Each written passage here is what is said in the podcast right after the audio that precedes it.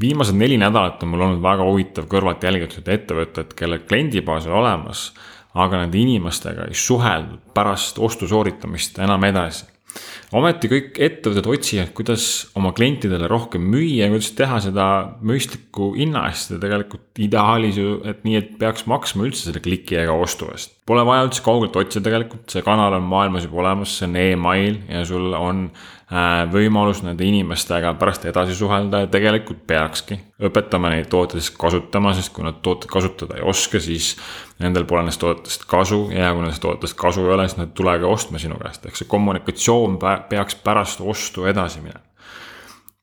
Me võtsime e-maili turunduse kasutusele, hakkasime inimestele kirjutama, hakkasime saatma uudiskirjasid, ei mingit tohutuid keerulisi automatiseerimisi ega listi, listi kasvatamisi, lihtsalt uudiskirja saatmine. esimese nelja nädalaga ja kaheksa uudiskirjaga kokku müüki kahekümne kolme tuhande neljasaja nelja euro eest. täiesti tavaline keskmine väike Eesti ettevõte, kes teeb oma asja ja müüb oma tooteid online'is lugesin ühte uuringut kus, kus nelikümmend üheksa protsenti inimesi lausa ütles, et nad tahaksid saada oma lemmikbrändidelt teavitusi ja pakkumisi emaili teel. põhjus väga lihtne, me oleme harjunud emaili kasutama juba ammu selliselt, et äh, me oskame osta sealt ja me ootamegi neid pakkumisi sealt, kui ettevõtted saadavad. muidugi väga hea, kui sinna tuleb vahepeal mingit muud sisu ka, aga me kindlasti eeldame seda, et kui mingid kampaaniad ja uued tooted või midagi olulist toimunud on, siis me tahame sellest teada saada enamasti see kanal on email. sotsiaalmeedia muidugi toetab ka seda väga hästi, aga küsimus selles, kas see info nende inimesteni jõuab ja nagu me teame, siis postitustega ammu enam nende inimesteni ei jõua. siis peaks kindlasti juurde kasutama äh, Facebooki ja Instagrami reklaame. ja emaili turundus ei pea üldse tähendama seda, et sa pommitad inimesi järjest müügipakkumistega äh, absoluutselt mitte, me ei räägi siin spämmiturundusest, kus me võtame mingi listi ja hakkame nendele kirjutama, vaid me räägime sellest emailiturundusest, kus me kirjutame nendele inimestele, kes ise on selleks soovi avaldanud, kes on täna juba sinu kliendid ja kes tahaksid seda infot saada.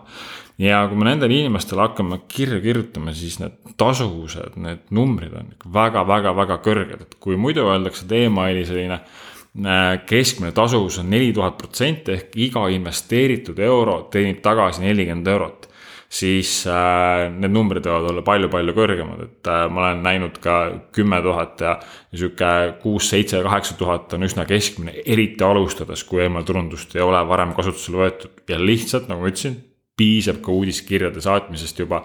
loomulikult äh,, kuidas seda kirja üles ehitada, kirjutada pealkirja äh,, kõik need asjad mõjutavad ja selles saates ma tahangi anda sulle neid uudiskirja ideesid, et sina saaksid ka äh, enda emaili listile kirjutama hakata ja hakata sealt kiiresti esimesi tulemusi nägema aga ennem kui saate juurde läheme, võib-olla sa kuulad seda esimest korda, siis tere, mina olen Sven Nuum ja mul on hea meel, et sa Nullist podcast'i kuulamas oled. ma olen Nullist ja Booster Selfie kaasasutaja. kui sa tahad mind, mulle kuskilt kirjutada, mind üles otsida, siis Instagramis ma olen kõige aktiivsem, leiad mind sealt ülesse, at Sven Nuum.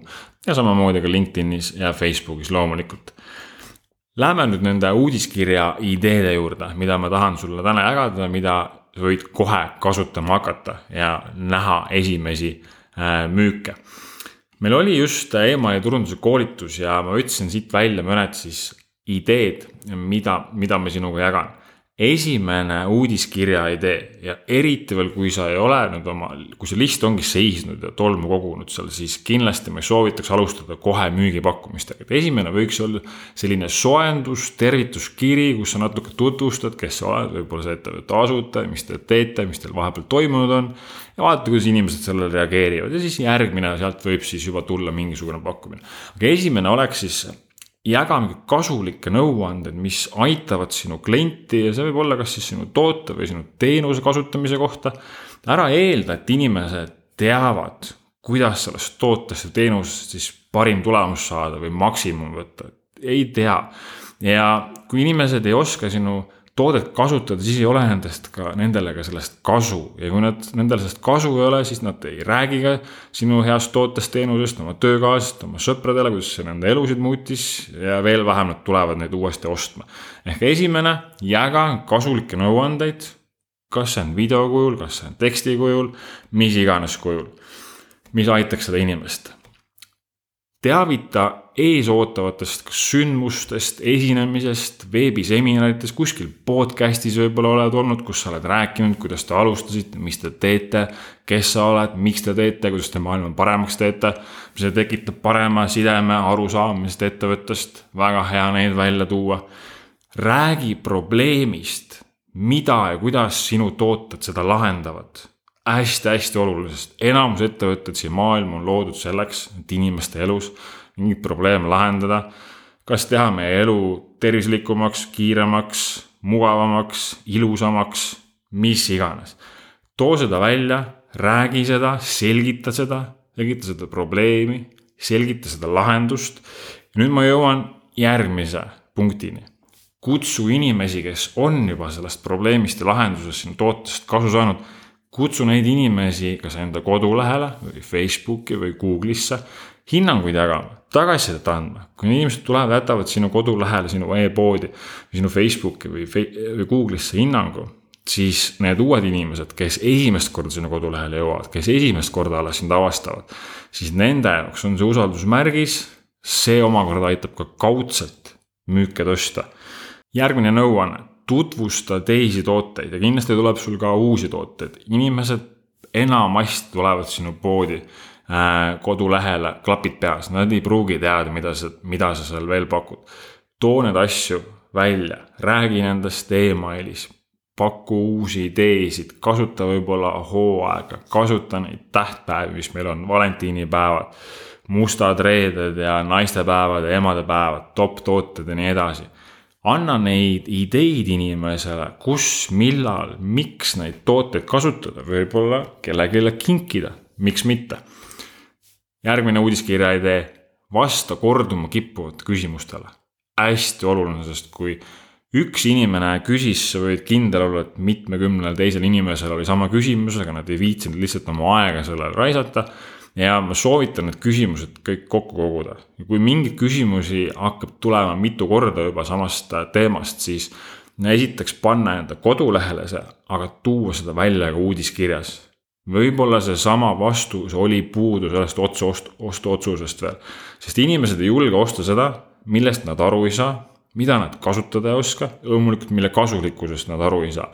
seitsmes uudiskirja idee, teavita eripakkumistest lisaks sellele, et sa postitad sotsiaalmeediasse, peaks esimesena minema tegelikult välja uudiskiri sinu kliendibaasile ja võib-olla on sul ka seal äh, uudiskirjalist, kes ei ole veel ostnud, siis nendele ka kindlasti klientidele eripakkumised e. email läheb reaalajas tuhandetele inimestele, ükskõik kui palju neid inimesi sul seal on. ja sa ei pea maksma selle kliki ega ostu eest ja Facebookis, Instagramis, millised postitused kõige kehvemini levivad just needsamad müügipakkumised, eks ole. aga sa tahaks, et inimesed saaksid teada, need inimesed, kes tuleksid hea meelega veel ostma, kasutaksid seda soodustust. Äh, ja emaili, kui me, kui me räägime emaili kampaania korraldamisest, siis koolitusel me käime läbi terve sellise plaani, mismoodi ta üles ehitada, millised emailid, saaksid siis tuua äh, maksimumit, seal ei piisa tegelikult ühest emailist, muidu jätad lihtsalt müüke lauale.